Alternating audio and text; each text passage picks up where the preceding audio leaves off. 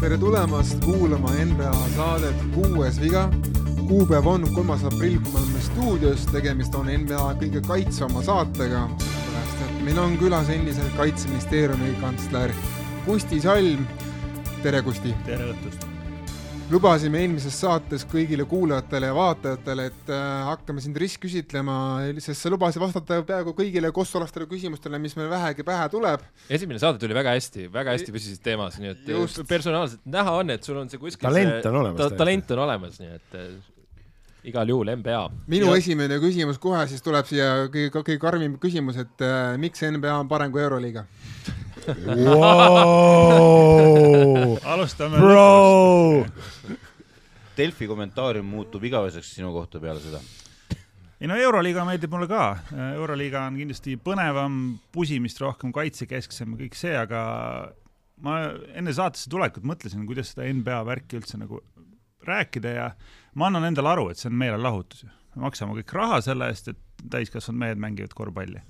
aga see toode ongi ülihästi tehtud kõik franchise'id on viiskümmend, kuuskümmend aastat vanad, kõik lood on seal taga, mismoodi see statistika, see irritatsioon, see hooaeg, kõik need äh, ähm, noh, see, mismoodi tiimid on üles ehitatud, mismoodi sa lood seda võrdsust üle suure Ameerika, by the way, seda me teinekord unustame selle ära, aga NBA-s on kolmkümmend kaks klubi. aga on praegu on kolmkümmend, aga varsti on kolmkümmend kaks. jah, okei okay. yeah., aga viiskümmend osariiki ehk kui sa võtad nii-öelda klubi per nagu noh, inimesed, kes seda seal ümbrusringes on, on, see on ikka väga palju, Euroliigaga seda ei anna võrrelda või nii-öelda Euroopa korvpalliga laiemalt.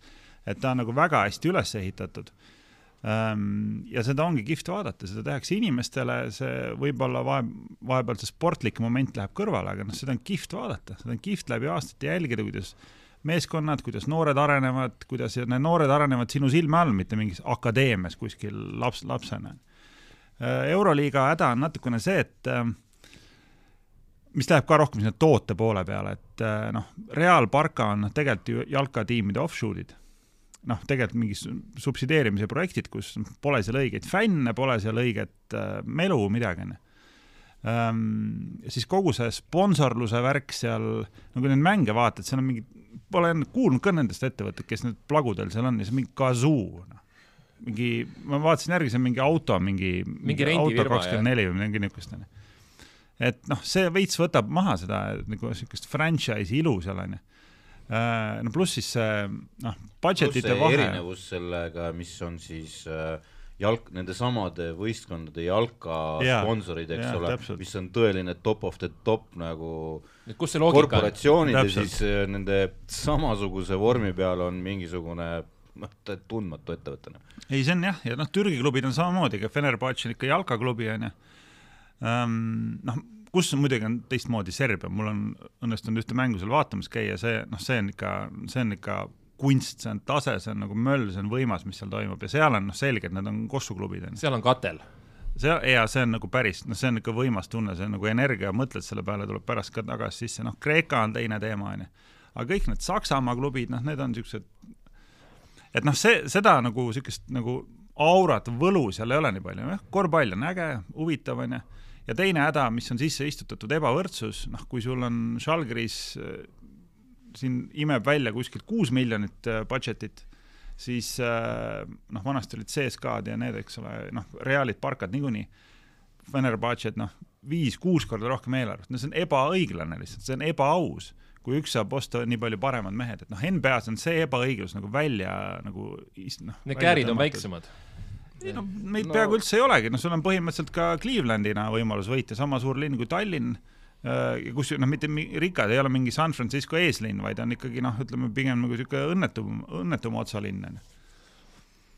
aga minul oleks näiteks küsimus sulle fännide kohta äh, ja just Euroopa, Euroopa fännid versus NBA fännid ja just see, just see pealtvaatajate pool.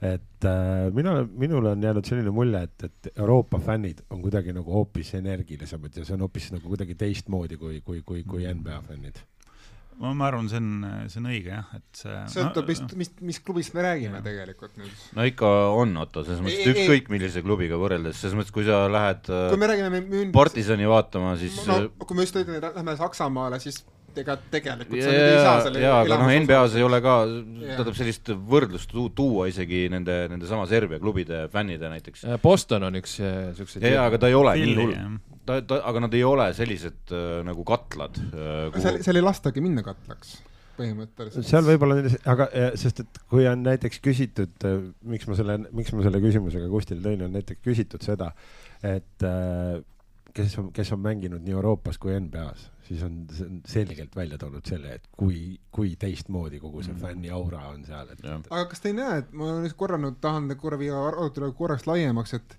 minu arust on lihtsalt see, eriti viimase kahekümne aastaga, et NBA teeb oma toodet, nagu Kust ütles ju, tegelikult peredele mm -hmm. ja yeah. Euroliiga teeb noortele vihastele meestele yeah, mingis yeah. mõttes. ja perefookusega tuleb rohkem yeah. raha ka. aga ma ei ole ausalt öeldes lõpuni kindel, et kui noh, mul on õnnestunud siin aasta, viimase aasta jooksul käia Fenerbahce't vaatamas Istanbulis Anadolut, äh, see Realis Madridis käisin, vaatasin seda viimast Baskonia mängu, no see on selline keskklassi mees pojaga, vaatab, nohiseb pool aega on telefonis seal, lastakse mingit rahvuslikku muusikat, ei noh, ei saa öelda, et seal oleks mingi, mingi Svernas Fiesta melu, on ju noh.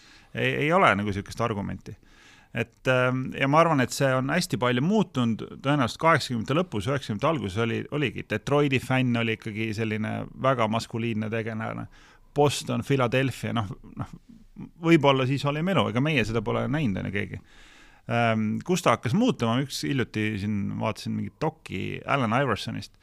vana sai hästi palju bash'i selle eest, et ta käis ringi, noh nagu ta käis ringi, onju. miks sai? sest fännidele ei meeldinud, fänn oli valge keskklassi mees, kes käis perega korvpalli, talle ei meeldinud niisugune värk, onju. aga nüüd see fännibaas ja kõik on hästi palju muutunud ja noh, midagi ei ole ka midagi teha, et noh, see, kas bad boy Detroiti ei saa tulla enam tagasi, sest inimestele ei meeldi see, onju. sa ei saa toodet müüa, seda noh vaata Valanciunas siin tegi seda teabag ingut siin, äh, mingi paar, ilge skandaal tuli sellest, seda on lahe vaadata, onju aga noh, seda ei müü nagu laia tarbetoodet kahele miljardile inimesele üle maailma no,. siin üks mees üritas bad boy olla, Morant, vaata, aga ei tulnud väga hästi välja. jaa, aga teine asi on see, et vaata, kui need äh, klubid siin Euroliigas on, on siuksed äh, lisandid nendele jalkaklubidele mm, -hmm. siis see tunne on nagu, et võib-olla needsamad fännid kanduvad üle ja, ja, ei, ma mõtlengi, et seda, see demograafia ja. on seesama, kes on seal jalkastaadionil, see on suunatud nagu siin ka siis sisse sellele äh, noh, sa-, samale vennale enam-vähem suunatud kampaaniatega minnakse peale. küll aga nüüd Euroliiga, ma saan aru, üritab vähemalt äh, sinna noh, laieneda nii-öelda metropolidesse mm -hmm. siis, ehk siis Pariisi, Londonisse ja nii edasi, et et viia seda asja natukene laiemaks ja noh, tegelikult on ju NBA mees seal nüüd äh, mõnes mõttes ka eesotsas ja, ja, ja proovib sedasama nägu vist seal teha, eks ole. see Bod-, Bodiroga siis? ei, ei, Klinkmann vist. ei, see, jaa, jaa ei noh, sammud on kõik õiged, eks nad jäljendavad ja kui oli juttu sellest jalgpalli, sellest superliigast, ega seal oli ka ette võetud ju NBA äh, näide, et noh, see, see toodab lõpuks, sealt tuleb raha. aga võib-olla see oleks niisugune hea, kõigile meile välja kutsuva just nagu niisugune äh, küsimus, et kumb, äh, kelle juurde enne tuleb, et kas enne läheb Euroliiga NBA juurde või enne jõuab NBA Euroliiga juurde lõpuks veel lähemale, vaata, et kindlasti nad midagi ju teevad juba praegu, on ka näiteid olemas. Aga et kes enne seda võib-olla teeb, vaata ja kes peaks üldse ma arvan, et NBA on sellest rohkem huvitatud, sellepärast kui sa vaatad nende samme, neil on nüüd äh, oma kossuliga Aafrikas mm, -hmm. nad tahavad laieneda Mehhikosse väga aktiivselt, nad öö, äh, otsivad võimalusi, kuidas Kanadas veel rohkem kanda kinnitada, et kui sa vaatad nende samme, siis nemad tegutsevad metoodiliselt globaalse kajastuse nimel, samas kui Euroliiga noh, on mingis mõttes rahul oma positsiooniga Euroopas, nagu ta praegu on. Äh, ja siis võib-olla natuke siia sellist vastuolu ka sisse tuua, kas Euroliiga mehed ei tahaks sellel äh, NBA vast, vast välja mõeldud sellel äh, season'i turniiril osa võtta. jah, ma mõtlesin ise ka selle peale. et viissada tuhat dollarit äh, per nägu võib-olla ameeriklastele ei ole nii motiveeriv, aga siin Euroopas ei no tiimidele just, et tuua natukene segadust sinna. jah, et käivad ära, vaata, sest neid mänge tehakse iga ma, aasta. ma, ma ei usu, et seal oleks küsijad ainult Euroliiga meeskonnad, vaid küsijad oleks ka Austraalia meeskonnad, mis on ka äärmiselt mm. tugevad tegelikult. Aga minu küsimus uh, on hoopis sellest, et nüüd me rääkisime nendest kahest liigast, eks ole, aga räägitud on ka ju igasugusest Madridi, Reali, NBA-ga liitumisest, et äh, kuidas sa siuksele asjale vaatad? no see on logistiliselt on see nagu praktiliselt võimatu, eks ju. ma arvan, et see oleks äge Euroopast vaadatuna kindlasti, aga just logistiliselt, kuidas sa seda seitsme-kaheksa tunniseid lende nagu teed, mismoodi sa seda noh, no mis see Toronto mängis ju Orlandos omal üks aasta terve hooaja mänge, et noh, või võib-olla kuidagi niimoodi saaks seal midagi orgunnida, et mingid päev, mingid mängud teed äh, siin Euroopas. Um, ma ei ole kindel, kui äriliselt see nagu Ameerika vaates kasulik on, sest noh, Ameerikas ei ole mingit rivaliteeti Madrid, Memphis või midagi taolist et noh, isegi kui me vaatame nagu seda rivaliteedi kadu, siis eh, noh, vanasti oli hästi tähtis see üheksakümnendatel veel need Southwest Divisioni võitja, Central Divisioni võitja, no praegu peab vaatama, mis see C tähendab seal taga, kui sul on praegu see standing us on ju. kedagi ei huvita see, vanasti oli kõigil on need plagud seal tahvli all, eks ole. et noh, seda enam ei ole, miks see vanasti tähtis oli, sellepärast et äh, sa ei jõudnud bussiga ringi sõita lihtsalt üle maailma, sa mängisid siis seal oma Philadelphia mängis Bostoniga seal mingi kaheksa mängu ja siis ühe korra võib-olla käis seal Sacram- või seal Californias onju. ja noh, kohalik rivaliteet tähtsam, noh, selline küla küla vastu värk oli olulisem, noh, selle toote juures, mis oli siis seitsmekümnendatel. praegu see ei ole absoluutselt tähtis enam. eralennukid jutud, eks ju. Teine... huvitav on kusjuures see, oota ma korra veel segan vahele, et see Euroliiga kusjuures oli veel üheksakümnendate algus, kaheksakümnendate lõpus rikkam kui NBA miks ei läinud vana Sabonis äh, üheksakümnendate alguses, sest äh, Real, Real Madrid maksis talle rohkem pappi, kui NBA-s oleks saanud no vot, see on ju hea point, mida välja tuua tegelikult. no et... seal oli see rookie kontrakti teema ka natukene muidugi sees, aga ei, aga ma vaatasin järgi, et äh, üheksakümne esimesel aastal, üheksakümne teisel aastal Kevin McHale sai kaks koma kaks milli see oli tal mingi lepingu muudatus, enne seda oli ta kahe koma kahe milliga äh, siis äh, NBA nelja kõige rohkem enam makstud meeskonna hulgas. Või noh, mängija hulgas no,. paljude jaoks on ka see, sellest ajastust veel see küsimus, et Euroopas maksti sutsu vähem, aga maksuteema oli jõhkralt Euroopa kasuks. Üks asi muidugi, mis praegusel hetkel nüüd on rahadega läinud NBA nagu kosmosesse ära. jalkast möödas ja, ja teine asi on muidugi see, et, et kui see Real Madrid läheb sinna mängima, siis kogu meeskonna eelarve on sama palju, kui Steph Curry palka saab. et siis ku, kuidas need meeskonnad nagu omavahel mängima või, või üldse nagu konkureerima peaks, et see oleks ikkagi tegelikult äh... Taaveti ja Koljati moment tuleb. no tõsi, kui nad osalevad NBA-s, eks ole, siis NBA telerahad hakkavad mm -hmm. neile mhm. jooksma, et siis muutuvad ka nende, nende eelarved hoopis teistsuguseks kuule, aga mina natuke läheksin nüüd uuesti, läheksin natukene nüüd kustipõhisemaks, et äh, tahaks küsida, et kuidas sa oma siis tee leidsid ikkagi lõpuks sinna NBA juurde et see noh, ma tean, ma tean, et see korvpall on sulle alati meeldinud, aga kuidas sa ikkagi konkreetsemalt NBA juurde jõudsid ja miks? ma arvan, see lugu on äh, minu vanustel hästi sarnane, et äh, üheksakümnendate alguses kunagi noh, ma arvan, see on seotud hästi palju niisuguse välismaa ja kogu niisuguse ihalusega ja noh, tegelikult seda meediat tollal ka polnud, on ju. et kui ma tagasi mõtlen sellele, siis mul tulevad kõik meenutused seal, noh, needsamad Bad Boy Pistonsid ja ma ei tea, Shaqi NBA-sse tulek ja nii edasi. samal ajal ma mõtlen, et kuidas ma seda tean, ma olin siis kaheksa-aastane ja noh, noh, tegelikult mitte ühtegi mängu ei näinud. siis ma, tuli meelde, et siis tol ajal käis niisugune ajaleht nagu Meie Meel kus tehti nagu iga nädal oli seal mingid profiilid ja värgid ja lugesid ja, ja kõik see, mis noh, eriti veel lapsena sinna juurde selline aura, niisugune üliinimlikkus, mingi selline kuskil kaugel maal toimub, noh, see on selline nagu nostalgia, mis on hästi kihvt. rohkem ma mäletan, ma hakkasin jälgima siis, kui, ja siis isegi kuskil Eesti pealt näitas neid mänge Kanal kahest või kuskil üheksakümnendate keskel, kui Mürka oli seal, eks ole äh,, äh, kuni ja siis ma jälgisin väga palju, ma isegi, ma lihtsalt hakkas internet juba tulema, mäletan, tollal ei olnud mingit live stream'i midagi. siis oli seda, no seda box-score'i, seda tekstipõhist asja, sa öösel seal refresh isid, nüüd Garnett viskas kaks punkti ja noh yes. et noh, tänapäeval ei kujutaks ettegi niisugust asja vaataks. millegipärast ma põhimõtteliselt, kuida-, noh, peale mingi kaks tuhat kaks, kaks tuhat kolm, noh, enam-vähem peale, peale keskkooli ma praktiliselt ei vaadanud ja millegipärast see auk oli seal sees selline, et ma hakkasin uuesti vaatama seitseteist umbes. et noh, praktiliselt viisteist aastat ja ma isegi noh, üldse ei vaadanud, ma isegi mäletan seda, et kui kaks tuhat äh, millal see Miami siin võitis kahe tuhat alguses? kaks tuhat kaksteist ja kolmteist. ja siis ma mäletan veel mingit pealkirja kuskil Delfis, et noh, Miami tuli meistriks umbes, siis noh, nagu klikkisin, onju. aga nüüd viimastel aastatel ja, ja hästi palju tänu sellele, et nad on Euroopa poole pööranud äh, see League Pass aitab hästi palju kaasa. Ja kõik see, noh, see kõik, noh, niisugune nooruspõlve lugu, see tuleb hästi kokku, noh okei okay,, nüüd ma pean küsima väga suure küsimuse, et äh, sa jõudsid kaks tuhat seitseteist enam-vähem tagasi, noh, sellise Warriorsi kuldne dünastia mingi hakkas, hakkas kestma ja looma seal. aga sul on ju aja vältel siin töörollid ja töökohustused muutunud, et kuidas sa veel praegu suudad jälgida NBA-d oma töö kõrvalt?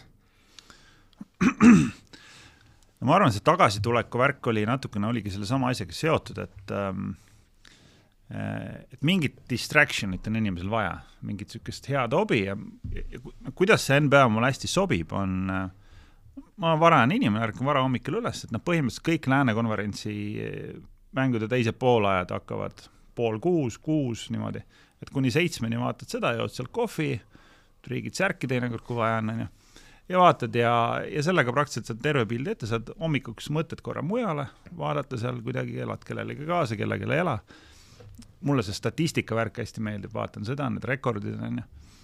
Äh, ja siis pühapäeva õhtul ka teinekord vaatad mingit mängu ja see nagu kannab hästi, selline nagu mõtted eemale, teine asi, selline kirglikult läheneda asjale on väga-väga sobiv selline nagu noh, hobi, noh, ma elustiiliks ei tahaks seda kutsuda, aga noh, mingi selline no kuhu oma tähelepanu pöörata ja siis noh, võib-olla muude, muude asjade tähelepanu nagu lahjendada. ja seal saab ju seda fantasy poolt saab ka veel teha veel, kui, kui see süveneda. seda ma ei viitsi, ma ühe korra proovisin, see nõuab see nõuab tähelepanu. eriti kui teed kellegagi koos, kes reaalselt oskab seda teha. minul on selline küsimus sulle, mis äh, kogemus sul endal korvpalliga on just nii-öelda mänguga enda koha pealt, palju sa ise mänginud elus korvpalli oled? No ma arvan, selle kohta öeldakse, et mida vanemaks ma saan, seda paremini ma noorena mängisin, et et ei no ma olen nagu noorena mänginud, aga mingi, mida, midagi no oma lõbuks, et mida, midagi sellist, et oleks kuskil liigades võistelnud, sellist asja pole olnud. ma tahan minna natuke provokatiivsemaks äh,. on mingi väike punt inimesi, äh, võib-olla isegi rohkem, rohkem kui me arvame, kes ütlevad, et sport ja poliitika peaks olema üksteisest eraldatud ja üldse nagu need Lebronid ja muud tegele-, tegelinskid USA-s võiks nüüd oma suu mulga kinni hoida, kui, kui, kui, kui tulevad jutuks ühiskondlikud mured, ühiskondlikud teemad, mille osast meeldib neile väga palju sõna võtta. aga Hiina? Äh, noh, ega, ega, ega see Hiina teema, eks ole, kusjuures ma ütlen ausalt, et mina nagu saan väga hästi aru, miks üks inimene võtab sõna oma kodumaa teemade asjus, mitte, mitte Hiina asjus või, või mingi välis, välisriigi teemade asjus. aga, aga kuidas sina suhtud äh, sellesse nagu ma ei tea, hoiakusse, et ma ei tea, sport ja poliitika peaksid olema võimalikult palju üksteisest lahus, et kas sa saad sellest aru ja kui sa saad, siis mida sa ütled neile, et, et see pole ju võimalik tegelikult no see ongi õige, et see ei olegi võimalik, sest nad ei ole lahus, nad ongi koos. ja nad on koos sellepärast, et sport on populaarne. poliitikud tahavad ennast seostada asjadega, mis on populaarne, et kas sa sellepärast nüüd ainult siia tulidki? valimised on ja nüüd, nüüd, nüüd tuleb see doktrineerimise nurk, et et ega ma ei tea, kui see Lebron tegi oma selle rekordi, on ju, ega Biden ei salvestanud ette oma lugu mitte sellepärast, et talle Lebron meeldib, võib-olla ta isegi ei tea, kes ta on, aga sellepärast, et ta saaks siis veel kahekümnel miljonil inimesel näidata, kuidas ta ka mõtleb nendega kaasa, onju. kui Andrus Ansip kunagi käis pärast Salt Lake Cityt, ma arvan, Veerpalu õnnitlemas Raekoja platsile, kisas seal kõigile elagu Andrus, Andrus, Andrus, siis äh, see, no kuigi ta tõenäoliselt oli ka suusafänn, siis äh, äh, noh, loomulikult on sport omavahel seotud ma arvan, sellepärast teeb Putin Ovetši, Ovetškiniga koos ka pilte, et ennast äh, näidata, et legitimiseerida kõiki muid asju. et noh, kõik see jutt, et ei ole seotud, on noh, lihtsalt puhtalt ebakompetentne, see, see on, ainult ongi seotud. aga sportlased peaksid ütlema, nii nagu Lebron ütles äh, kui sa ei saa vastata, ma saan sellest aru, aga, aga, aga kas sportlased saavad, võiksid öelda presidentide kohta, nagu seda oli Donald J Trump, et äh, you bum või, või, või ühesõnaga, see oli väga lühike tšaut, mida Lebron tegi, mis sai väga palju kajastust, et äh, kuidas ikkagi saab niivõrd globaalne ikoon öelda oma riigi presidendi kohta midagi nii halba um,?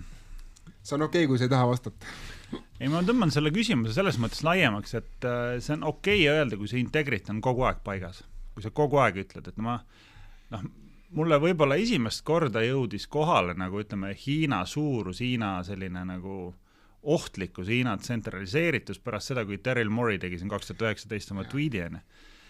ja kus see oli nagu, ta tegi selle, no see oli mingi ajavahe teema oli, et ta tegi seda umbes mingi õhtul onju. ja siis ajavahe tõttu siis terve päevaga oli vahepeal Hiinas juhtunud see, et esiteks kõik mängud cancel datud.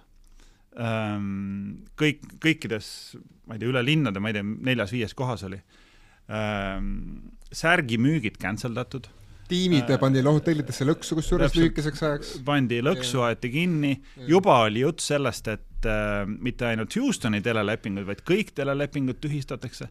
Et noh, lihtsalt nagu mõtled seda tsentraliseerituse astet, mida see nõuaks Eesti-suguses riigis või veel hullem Ameerikas, et noh, logistiliselt, kuidas sa ära korraldad kuue tunniga niimoodi, et otsustatud, tehtud, kõik, lõpp ähm,. No, absoluutne kontroll. ja erakordselt efektiivne ja kuidas ta mõjub heidutusena, on väga hea näide ja kui pärast Lebron läks põhimõtteliselt pisarsilmi vabandama selle asja eest, äh, siis noh, see noh, minu arust devalveerib kogu seda Trumpi suunalist kriitikat, et et ole siis igal pool kriitiline, ole siis kogu aeg oma noh, nii-öelda oma väärtustega nagu äh, seotud, onju. Ähm, et noh, see Enes Kanteri teema samamoodi, et äh, et noh, eks siin äh, sellist äh, silmakirjalikkust on nagu korralikult, aga lõpuks äh, noh, Jordan ütles ka omal ajal, et vabariiklased ostavad ka ketse, et aga, aga samas oli ju üsna mõjus ka see, et esimest korda võitnud meeskond keeldus minemast presidendi vastuvõtule. no see oli selge signaal ju, eks ju. nojah, selles mõttes, et nad, nad noh, see oli nagu, nagu väga tugev stand tegelikult äh, äh, selle vastu, mis, mis toimus samal ajal nagu. ja, ja no see ongi see, mille pärast see on poliitika, see ongi see, mille pärast äh, mullis olid kõik oma nende ja. nimedega selle et äh, see ainult võimendab seda fakti, et kasutatakse poliitikana ära äh, see omakorda võimendab seda fakti, et äh, tuleb olla hoolikas ja sa pead vastutama sõnade eest ja noh, ma arvan praegu, mis nagu seda Eesti värki puudutab, no tuleb sellest nagu eriti aru saada. sest noh, mida üritab Vene Föderatsioon tänases olukorras teha, on, ongi teha argument, et sport on sport ja muusika on muusika ja lapsed on lapsed äh, ja sellega nad mitte ei ürita kuidagi tõestada seda, et sport on sport või sport on sportlastele või midagi taolist. Nad üritavad sellega nii-öelda normaliseerida sõda sõda on mingi asi, mida need sõjamehed seal teevad, aga teeme sportlaste asja, ajame normaalselt edasi.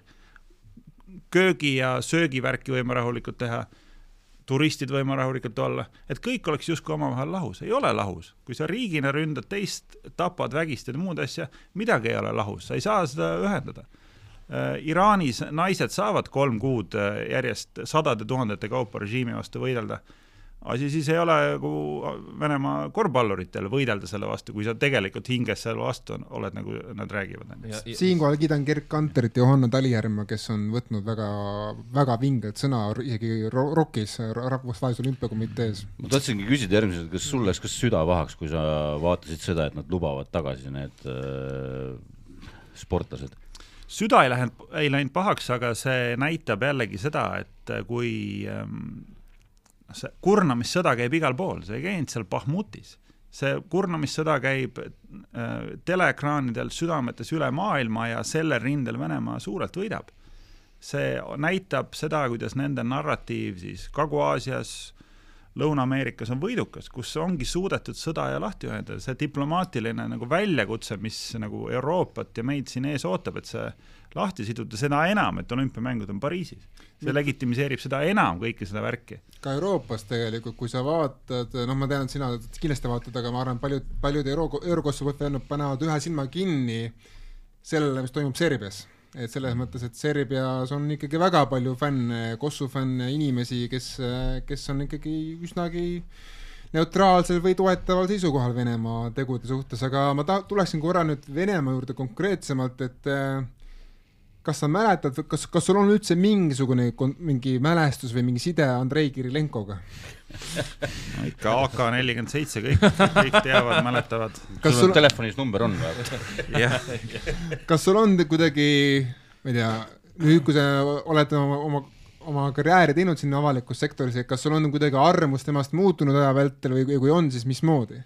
tegemist on siis äh, Venemaa Kossu Kossu tegemiste käila, käilakujuga praegu mitte praegu ja no. tegelikult noh, see käilakuju on, olgem ausad, ta tegelikult Venemaa kossu heaks on äh, noh, räägime nüüd nagu pikemast ajaperioodist, enne kui need õudused on juhtunud, on ta Venemaa kossu heaks ikkagi väga palju no kõige rohkem kui üldse keegi teine. et, tema ja. tõi selle asja ikkagi nagu täitsa pildile, need suured klubid, Euroliiga asutajaklubid, eks ole, ja nii edasi, et see, see on seal, on, on selle venna käppasid väga palju mängus, eks no kindlasti paneb teistmoodi vaatama, mis siin eriti rääkida, praegu ta on seal mingi Kossu liidu president või mida iganes ja. ja samamoodi tegelikult legitimiseerib läbi oma tegevuse siis äh, neid sõjakurjategu, sõjakuritegusid. Kirilenko, noh, tema nagu legacy seal NBA-s on hästi palju nende noh, lugudega seotud, mida suudeti ka eurooplastele rääkida. et kui, no ma ei tea, Magic ja Bird olid mustvalge, ida-lääs, noh, mis iganes, on ju, väga hea nagu polariseeriv lugu, siis noh, Kirilenko natukene oli niisugune Euroopa-Ameerika selline noh, ka natuke valge-must selline liha, liha selline versus selline nagu osav.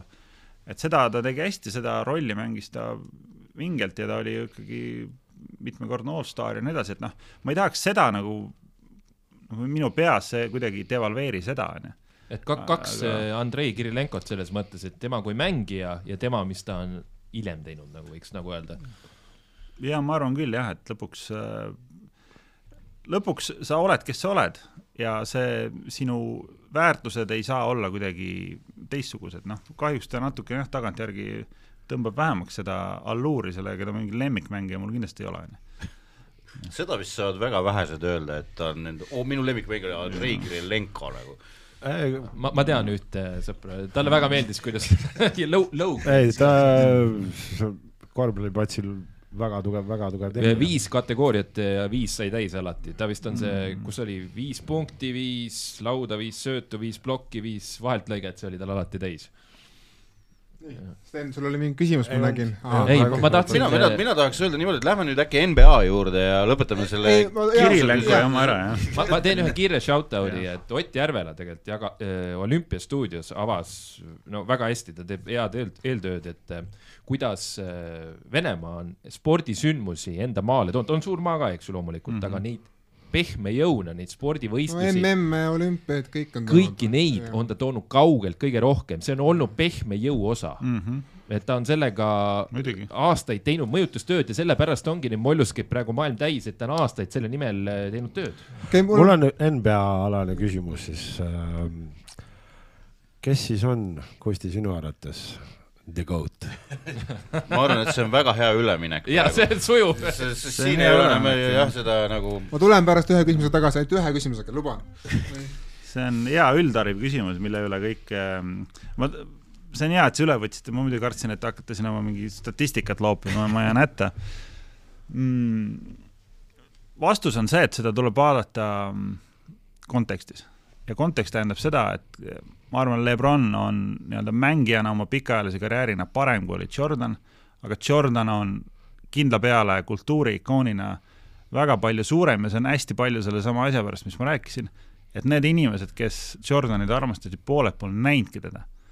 Äh, ja see üliinimlikkus, see, mis noh, tänapäeval mitte kunagi ei tule enam tagasi, kus sa näed Lebroni hommikul, hommikus söödmas, riideid vahetamas, pilti tegemas, hingamas äh, läbi sotsiaalmeedia tollal seda polnud, see üliinimlikkus, äh, see Black Jesus, see, mis sellega kaasnes ja see kultuuriline fenomen äh, on, ma arvan, maailma ajaloos nagu erakordne ähm,. aga puhtalt matemaatiliselt ma arvan, et kui sa võtad seda mängijate püramiidi, mis tuli läbi kaheksakümnendate, ta tuli liigasse kaheksakümmend neli, onju, ja sa vaatad seda, mis oli üheksakümnendate lõpus, on ju, või noh, kaks tuhat neli või kaks tuhat kaks, millal see Lebron tuli? kaks tuhat kolm.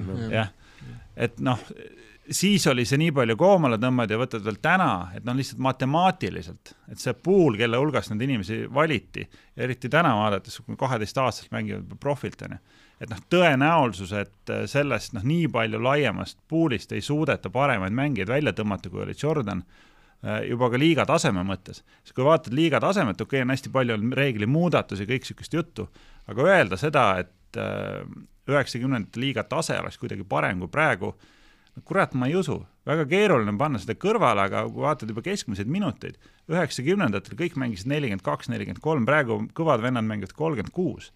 miks see nii on, no ühed ütlevad load management, tempo, kiirus, nõudlus, noh, see on hoopis teise tasemega, et ikkagi noh, ma arvan, et seda on keeruline kõrvutada, aga mängijana ja noh, vaadates kahekümne aastast karjääri ja nüüd tiksub veel paar aastat juurde, kuigi tõenäoliselt, kui poleks äh, Jordanil neid paari vaheaastat olnud, siis oleks numbritega igatepidi mööda pannud, on ju. et eks see vastus nii on äh,, absoluutterminites Jordan, aga tõenäoliselt mäng, mängijana lõpuks äh, Lebron ja atleedina ka ilmselt Lebron uh,. Jordani fännidele ma ütlen, et kohe-kohe uh, tuleb kinodesse siuke film nagu Air uh,, mis on siis Matt, Ben Affleck, Matt Damon ja Jason Bateman, kus siis räägitakse lahti lugu, kuidas Nike värbas siis Jordanit enda korporatsiooni esindusnäoks, et minge vaatama, ma arvan, et see on päris hea siukene spordireklaami vaatamine ja ei, see film, ta vist see Rotten Tomatoes või mis need asjad on, et suurepäraseid hindeid saab. Et... aga ma küsin, kes sul praegused lemmikmängijad on? Praegused lemmikmängijad, ma arvan, et kõigile meeldib äh, Luka. see, mis, see mees on korvpalliga teinud, see, mismoodi tema mängib, see, mismoodi tema loomingulisus, tema mitteatleetlikkus, see annab kõigile võimaluse samastuda, see teeb mängu kihvtiks, ägedaks, ta näitab, et mäng on mitmekülgne, mitte mingi atleetlik peapanev, vaid ka põrgatamine, söötmine, positsioonivalik, see on esiteks tundub lihtne, loogiline aga see on ka kõik erakordselt atraktiivne.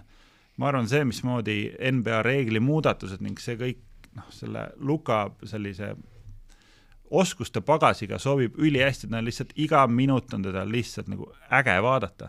no muidugi see, et ka, et nelikümmend kolm prossa või mis iganes tallase ajast on pall tema käes, ähm, see aitab ka natuke sellele kaasa, aga noh, see, noh, tema on kindlasti äh, NBA tulevik, kui tal midagi nende äh, vigastustega ei juhtu ja noh, Cubanist, äh, tal on, Cubanil on kõige suurem võimalus selle mehe karjäär ära rikkuda.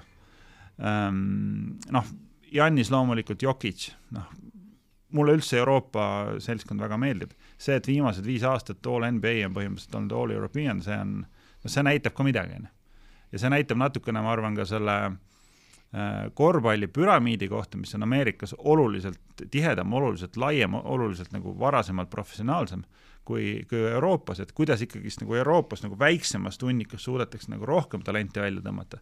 et midagi järelikult tehakse siin õigesti. et needsamad Serbiad, palju NBA mehi on Sloveenias, neli või?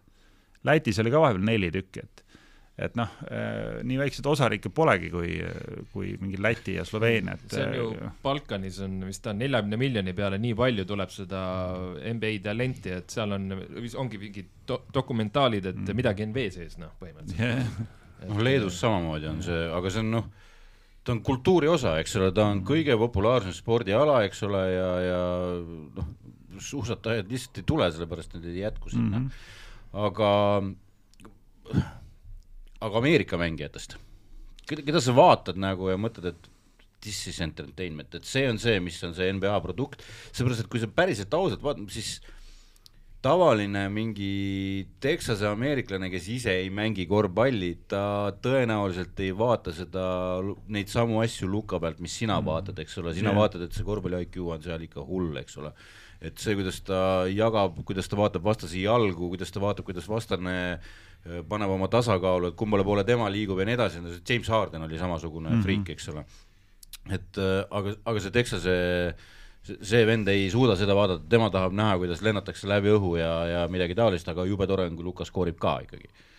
et aga, aga keda sina ise vaatad nagu entertainment'i mõttes nagu just, et fly, fly, lenda nüüd, noh. no Durant ikkagi on äh, üks generatsioonist, üks kahekümne aasta täht. noh, Morant on äge vaadata, äh, mina arvan, et see püstoli intsident äh, kokkuvõttes tema nii-öelda brändile toob kui ta suudab nüüd niimoodi hoiduda, et seda iga nädal juhtuma ei hakka, toob nagu kaasa niisugune vastuolulisus müüb um,. üks mängija, keda väga palju maha tehtud ja kes mulle tegelikult nagu meeldib, kellel on talenti, kiirust, loovust, on AD, kes on um, noh, ma arvan, et ta on nagu objektiivsete parameetrite järgi nagu top viis mängija olnud viimased uh, palju, ütleme seitse aastat ähm,. Lakersis talle pole sobinud, tal on ebaõnne olnud, tal on ähm, vigastusi olnud, tas, temas ei ole ka sellist nagu röövlipealiku niisuguse nagu, nagu liidri omadusi, on ju. nagu ma ei tea, sellel Donovan Mitchellil või mõnel, mõnel muul, on ju. Äh, aga kui tal asjad klapiks, ta võiks olla ikkagi kindel MVP. Ähm, et noh, minule ta teda, tema mängu vaadata meeldib, ta mängib ägedalt, ta mängib loovalt, kiirelt äh, ja domineerib pluss ta mängib kaitset, see on nagu, see on ja tema jaoks on see nagu ülioluline, eks ole. sa ei maininud siin muidugi praegu Steph Curry't ja see juhatab mind järgmise küsimuseni, kas üheksakümnendate Bulls või kümnendate Warriors no siin eh, mul või, või vasta nagu Michael Jordan, et eh, Bulls kahega, et miks kahega, sest et no, me oleme kõik pea kuuskümmend.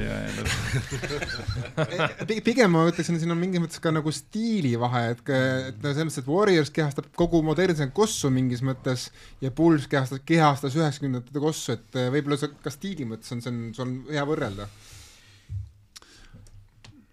No üheksakümnendate Bulls jääb alati ajaloo franchise'iks et noh, sellist asja sellise kasvuga koos, sellist tiimi teha, üles ehitada, noh, tagantjärgi on kõik superstaarid seal, Rodmanid, Pippenid, nii edasi. aga noh, selles ajahetkes nad, äh, eriti kui sa hakkasid seal üheksakümmend kolm, üheksakümmend neli tulema, nad ei olnud generational superstaarid, no välja arvatud äh, Jordan, on ju. Ähm, Warriors, äh, no Warriors tipphetked jäid sinna, kui ma seda väga ei vaadanud NBA-d veel um,. ja ma ütlen, et viimastel aastatel mulle see ei meeldi, kuna see kakssada miljonit või mis iganes luxury taksi maksavad, see teeb, natukene süstib seda ebaõigluse värki sinna sisse, mis ei ole nagu aus, kuigi nad on need mehed ise kasvatanud. Ehm, ja noh, minu arust ei ole seal ikkagi seda nagu sellist nagu Pravaat. omanäolisust lugu, mingit sellist nagu asja sees, see tundub ikkagi natukene niisugune nagu mingi krüptoraha eest ostetud produkt seal, on ju ehm, alguses mulle see kolmese värk nagu ei meeldinud, ma arvasin, et see võttis nagu ära seda niisugust NBA niisugust kontaktimängu, kaitsemängu, sellist äh, mängulisust, no kogu see matemaatika, neid graafikuid näidatud, kuidas äh, noh, põhimõtteliselt keskbossi ei visata üldse, on ju.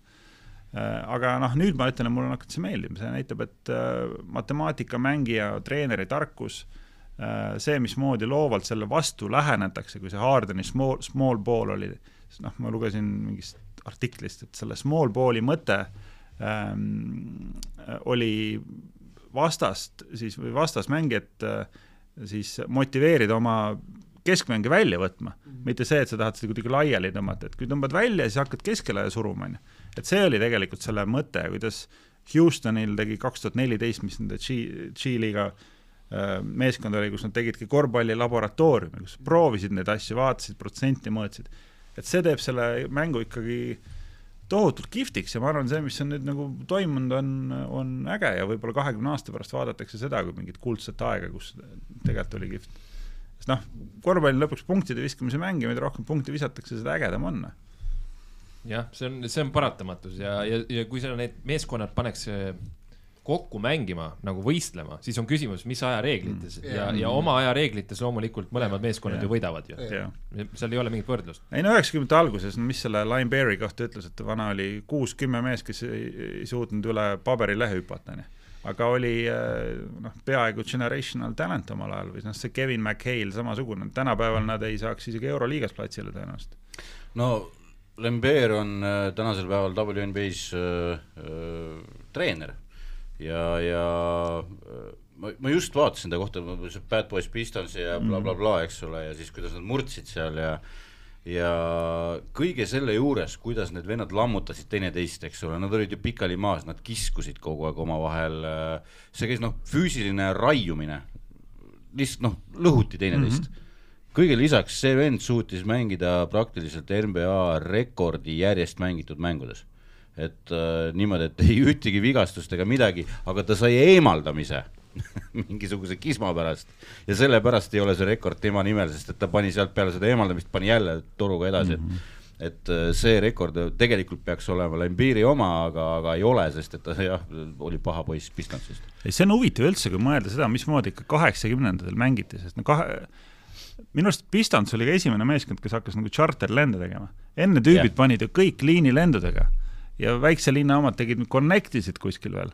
ja no mõtle, kuidas see siis käis ja pluss see, et noh, mängitigi nelikümmend kolm mängu ja pikalt. aga no mis saladus oli, oli see, et noh, karjäärid olid seitse-kaheksa aastat. et noh, Magic, äh, Larry pani mõlemad kolmteist, on ju. et noh, tänapäeval on kolmteist, noh siis alles hakatakse mängima, on ju.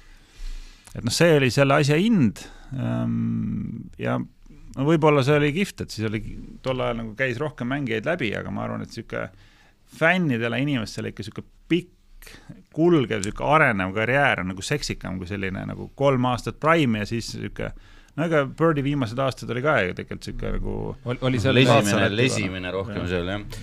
mul tuli sellega, selle lennuga tuli mul kohe hea Larry Birdi lugu meelde, ma pean selle ette kandma Larry Birdi lugusid on mustmiljon kõigil, eks ole, ja, ja noh, mitte meil, sellepärast me pole temaga, aga noh, ma olen kuulnud neid. Larry Birdi lugu, nad lendasid, noh, nad lendasidki reaalselt äh, päris lennukitega ühest äh, linnast teise, connect'id ja nii edasi, eks, ja nad olidki ühes connection'is mängule, jäid nad lõksu ja lennuk ei läinud ja lükati edasi, lükati edasi ja noh, siis oli see, et nad pidid lahendama probleemi, kuidas nad söövad, mis nad teevad, eks, sõid Ottoga kogu selle aja seal lennuväljas, sellepärast et see oli mingi pisike lennuväli ja neil ei olnud mitte midagi muud võtta, eks ole. ja kui nad jõudsid kohale sinna, kus nad pidid jõudma, nad jõudsid täpselt enne mängu. Nad trampisid sinna saali sisse, vahetasid riided ja äga soojenduseks ka väga midagi ei jäänud ja siis Larry Bird oli kõndinud vastaste pingist mööda. It's nothing personal but those goddamn hot dogs ja siis oli pannud nelikümmend neile, siis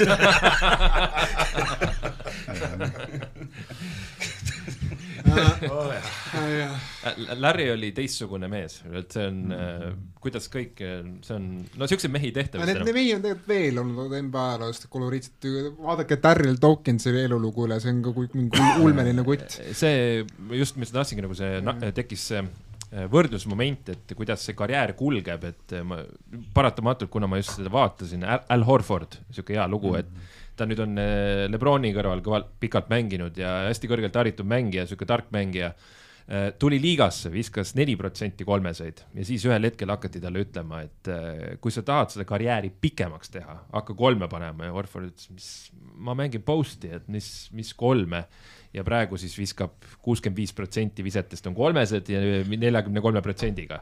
et ja mängib nii nagu kulda ju, tema on ju Bostoni edu üks saladusi praegu noh, et äh, see on üks näide lihtsalt, kuidas see mäng on muutunud. ei no Lopez samamoodi, Valanciunas samamoodi, et, et see noh, ma arvan ka, et äh, kui see kolme sekundi reegli muudatus tuli, siis pikkadel oli seal mingi neli-viis aastat ikka täielikku ahastamist palgad kukkusid alla, nähtavus kukkus alla, aga mingi hetk, kui nad nagu lahti kräkkisid selle, et kuule, et hakka kolme viskama, on ju, hakka söötma, siis neil tuli hoopis teine väärtus juurde, on ju, ja nii turuväärtus ja noh, vaata praegu, mis äh, all NBA-s ja seal toimub. kõige rohkem teenivad nemad ja, nüüd. kuule, aga aktuaalne küsimus, et sa vaatad seda hooaega ja sa hoiad pöialt. mulle meeldiks, kui Milwaukee võidaks. see, kui nad võitsid äh, kaks aastat tagasi, see oli, ma arvan, kihvt teenitud mulle meeldiks ka, kui Philadelphia võidaks, kui see Toronto aasta Philadelphia, vot see oli äge tiim. Butler ja Simmons mängis, no siis ta mängis ikka väga atraktiivselt, see oli kihvt asi vaadata. ja see, kuidas nad seal Torontolt selle, mis iganes, seitsmes mäng, see oli peksa said, no see oli veits nagu noh no, see oli jooks sinu arust ka või? ebaõnne peab ka olema, on ju. Ähm, no kes veel um,? Nuggets äkki Jokic'iga? Nuggets on atraktiivne meeskond, Nuggets on äh, mulle eelnevatel aastatel play-off'is hullult meeldinud, nad iga aasta teevad ühe korra selle kolm ühest tagasituleku triki onju noh. et see on nagu kihvt vaadata, nad mängivad isuga, nendele üks aasta tegid nad siin mingi neli lisaaega või midagi siukest, no see oli nagu vinge mäng, ma mäletan, ma jäin tööle hiljaks tund aega, et Sorry, ma ei saanud tulla Nikola hoidis kinni. mängivad atraktiivselt ja see punt, mis on kokku saadud sinna noh, linna, ma ei tea, palju seal Denveris elab, aga no see on ka USA mõttes ka ikkagi selline nagu Paldiski, ütleme Eesti mõttes on ju. et sa oled sinna saanud ikkagi seitse ikkagi nagu päris head meest kokku, et noh, see on ikka ime, et kuidas see on kokku kabetatud kusjuures no, Denveris ju fännid ei näe Nuggetsi mänge, need, kes ei tule areeni, sellepärast et neil on mingisugune ulmelt teleleping tehtud mingisuguse niši tootepakk-, pakkujaga, kes küsib hinge hinda selle nagu toote näitamise eest ja sellepärast enamik Denveri inimesed ei tea, kes on Nikol Jokic.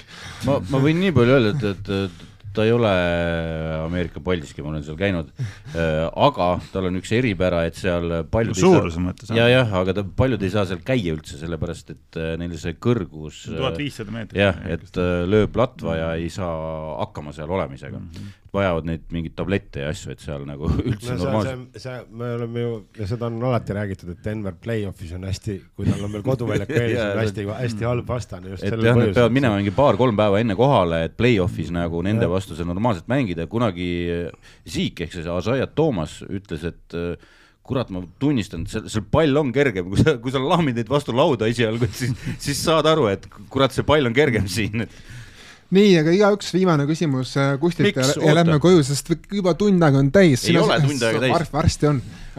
Neli küsimust on veel ja siis läheb tund aega täis. Henri, sinu küsimus. minul üks asi sihuke, et töö, tööolukorras, palju sa oled kohanud inimesi, kas üllatuslikult või tuleb teadlikult välja veel MBA inimesi, kas Eestis või, või näiteks lähed kuhugi välja ja vahel läheb ikka jutuks ja siis tuleb MBA huvi tuleb välja. ma ei tea, Eestis oled kokku puutunud või mitte, et see on väga niisugune. Eestis ikka tuleb ette, aga üks huvitav oli ähm,, ma olin mingi õhtusöögilauas kuskil välismaal, siis minu kõrval istus äh, Ameerika mingi tähtis õhuväemees ja kuidagi lihtsalt juhuslikult tuli jutuks ja, ja noh, vana oli samamoodi, tema mingi Warriorsi mees oli. Ja noh, veel, veel hullem, veel pikema ajalooga ja nii edasi, et äh, see teinekord tuleb küll jah, ja see on nagu selles mõttes kihvt äratundmine, noh, ta on natuke saladus ka, ega ei käi ju nii-öelda mingi Jokitši särgiga tööl on ju. Ei, lihtsalt tulebki, teinekord tuleb sellise eh, nagu välimus ei reeda absoluutselt ja siis ta läheb põlema, et oo, sa vaatad ka NBA-d, et mm. mõnus, mõnus moment. no minu küsimus on siis, et kes on järgmine eestlane NBA-s sinu arvates? ma olen seda maru pikalt oodanud ja kui ma seda korvpalli nii palju ei vaadanud, siis noh, Andre, Andres Sõbra kategooriates on ju, kakskümmend meest peaks seal olema juba eba, ebaõnnesõdurid on kõik olnud. või noh, no kunagi oli see Martin, mis see oli, Martin Noormets, kes oli äh, noor ja andekas, kuni oli kolmkümmend kuus ja läks läks pensionile, et ähm, Marek Noormets. Marek. Marek oli tema. jah, Marek Noormets. Marek, jah ähm, no ma loodan, ma, ma arvan, see oleks väga kihvt, see oleks korvpallile kihvt, Eestile, no see oleks viimase peal. Trail vist ei saa, võib-olla saab mingi selle two-way mingi, mingisuguse imelikus olukorras ähm, lahe oleks, kui Kriisa saaks, Kriisal tuhhi on, Kriisal tahtmist on, nägemist, temast saaks nagu hea toota, ta võiks olla niisugune Austin Reavesi taoline lugu seal, noh, väga hästi läheb. õige nimi on ka. Jah, õige nimi, aga ta vist on natukene juba, läheb liiga vanaks ja sellist materjali Ameerikas on ikkagi maru palju, et ähm, ja selle ülikooli looga tal ka nagu ei vedanud eriti, et seal äh, ja seda Veesaare värki ma ei ausalt öeldes ei tea, ma pole teda mängimas näinud kunagi, et äh, jutt on kõva, loodame, et siis tuleb, sest tema on vist kõige suurem, kes seal praegu nimekirjas on meil, on ju. et aga noh, tal on ka, et noh, kui järgmine aasta ei tule, no siis on juba kahtlane, noh nii ta on. no ma küsin ühe niisuguse hüpoteetilise küsimuse, siis äh, lubasin tulla korraks tagasi Venemaa teema juurde ja, ja tulen ka, et äh,, et kui praegu mängiks NBA-s väga kõrgel tasemel kossu mõni Venemaa mängija, kas see mõjutaks sinu nägemust või arvamust NBA-s, kui ta veel teeks selle kõrvale mingisuguseid noh, kaheti mõistetavaid avaldusi, no otse välja ütles, ta on veel Ameerikas tahab, tahab olla heal palgalehel, aga ikkagi noh, vihjab läbi lilled, et ta ikkagi toetab seda asja. nagu NHL-is äh, hokiga vist. Ovechkin just, et ma, et ma ei räägi siin mingi pingisoojendest, kes on seal viieteistkümnes mees kuskil pingi lõpus keda, kes väga võib-olla inimesi ei huvita, aga niisugune nagu korraliku noh, Kirilenko kaliibriga tegelane no eks ta muudaks ikka, mis seal ikka öelda, et noh, ega lõpuks see on nagu väärtuskonflikt, äh, väärtuskonflikt, äh, kui seda lubatakse eksponeerida, siis NBA seda noh, mingi piirini nagu endorse ib, on ju. no loomulikult tekitaks, aga ma arvan, et nad hoiavad väga hästi nagu silma peal ka sellele, et sa nagu fännidel ei lase sellistel konfliktidel tekkida, et see noh, see lõpuks äh, mõjub vaatajanumbreid, televaatajaid ja kõik, et ja noh, ma arvan, et üks hea näide on siin, võib-olla see on küll teise poole pealt näide, kuigi lõpuks see oli vist nagu kõikide vastu see Enes Kanter, on ju. et, ehm, et noh, lõpuks Türgi on meie liitlane, on ju. et noh, kelle vastu ta seal sõdis ja mis see oli ja lõpuks, kui ta on nagu terve maailma vastu, siis noh, võib ju jääda mulje, et äkki sul endal on midagi viga, on ju. ja noh, tema ju juhatati lõpuks liigast välja, ma arvan, nagu osaliselt sellesama põhjusel, et et, ähm, et noh, niisugust politiseerimist äh, noh, või noh, sellist nagu vastandumist ei saa tuua ka nagu liigasse, on ju kas sa ei arva, et see, mul on üks küsimus peale seda veel, aga ma küsin lisaküsimuse okay., kas sa ei arva, et see Kanter, et tema see põhjus ei olnudki võib-olla selles Türgi asjas, vaid ta läks liiga kaugele oma nende hoopis nende Lebronide sõimamise ja, ja, ja selle Hiina teemaga. Nike sõimamisega. jah, jah, oligi, et, et ta, ta sõimas, nüüd hakkas nagu täitsa valesse auku nagu äh,, nagu suruma neid, neid, neid agendasid, mis tal seal iganes peas toimus siis parasjagu, et et fine, me saame aru, sa oled Türgist põgenik ja ma ei tea, mis iganes, on ju, plähmerda, kui tahad, aga oota, nüüd sa läksid meie rahakoti kallale, et see küll hea ei ole.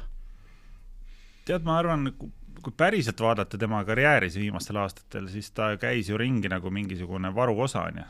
nagu Ish Smith enam-vähem. Polnud nagu meeskonda, kus ta poleks olnud lõpuks ja Bostonis oli mingi neli korda vist et ähm, eks ta lõpuks sellepärast ikka, ma arvan, et äh, juhatati sealt välja, aga noh, eks seda ja no võib-olla ta üritas oma brändi siis ehitada mingisuguse noh, nii-öelda mingi politiseerimise otsa ja üritas nagu niisugust nagu väljajuhatamist siis seostada sellega, et kuidagi mind aeti välja. tegi no, silda Fox Newsile mingis mõttes. ja, ja, ja, aga võib-olla, kas ta tegelikult tulistas endale põlve nii-öelda sellega, äh, halb väljend, Tšamorantist just oli juttu, aga et äh, kas, kas ta nagu, nagu rikkus tegelikult ära oma selle väljundi, mis tal oli nagu selle, selle Türgi teemaga rääkimiseks, onju, sellega, et ta hakkas mingit muud pula ajama, et hoidnud oma nime endiselt, mitte mm, -hmm. me räägime, ei tohi Ines Kanterist enam rääkida, me räägime Ines Freedomist siiski ja, ja platvorm läks ja, tal paigast ära nagu. et kas ta andis ära lihtsalt, see, kas see, see on perfektne näide sellest, et NBA annab sulle platvormi, ohoo, NBA võtab ka platvormi?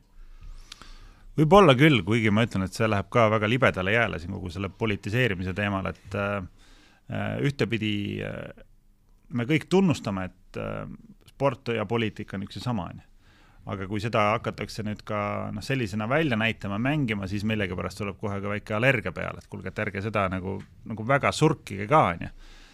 et ta on nagu libe tee mm, ja noh, võib-olla nii-öelda kaugel Ameerikas me saame siin lahti ühendada mingid seosed, aga noh, siin kohapeal on see sama see libe tee, mille peale ka mängitakse.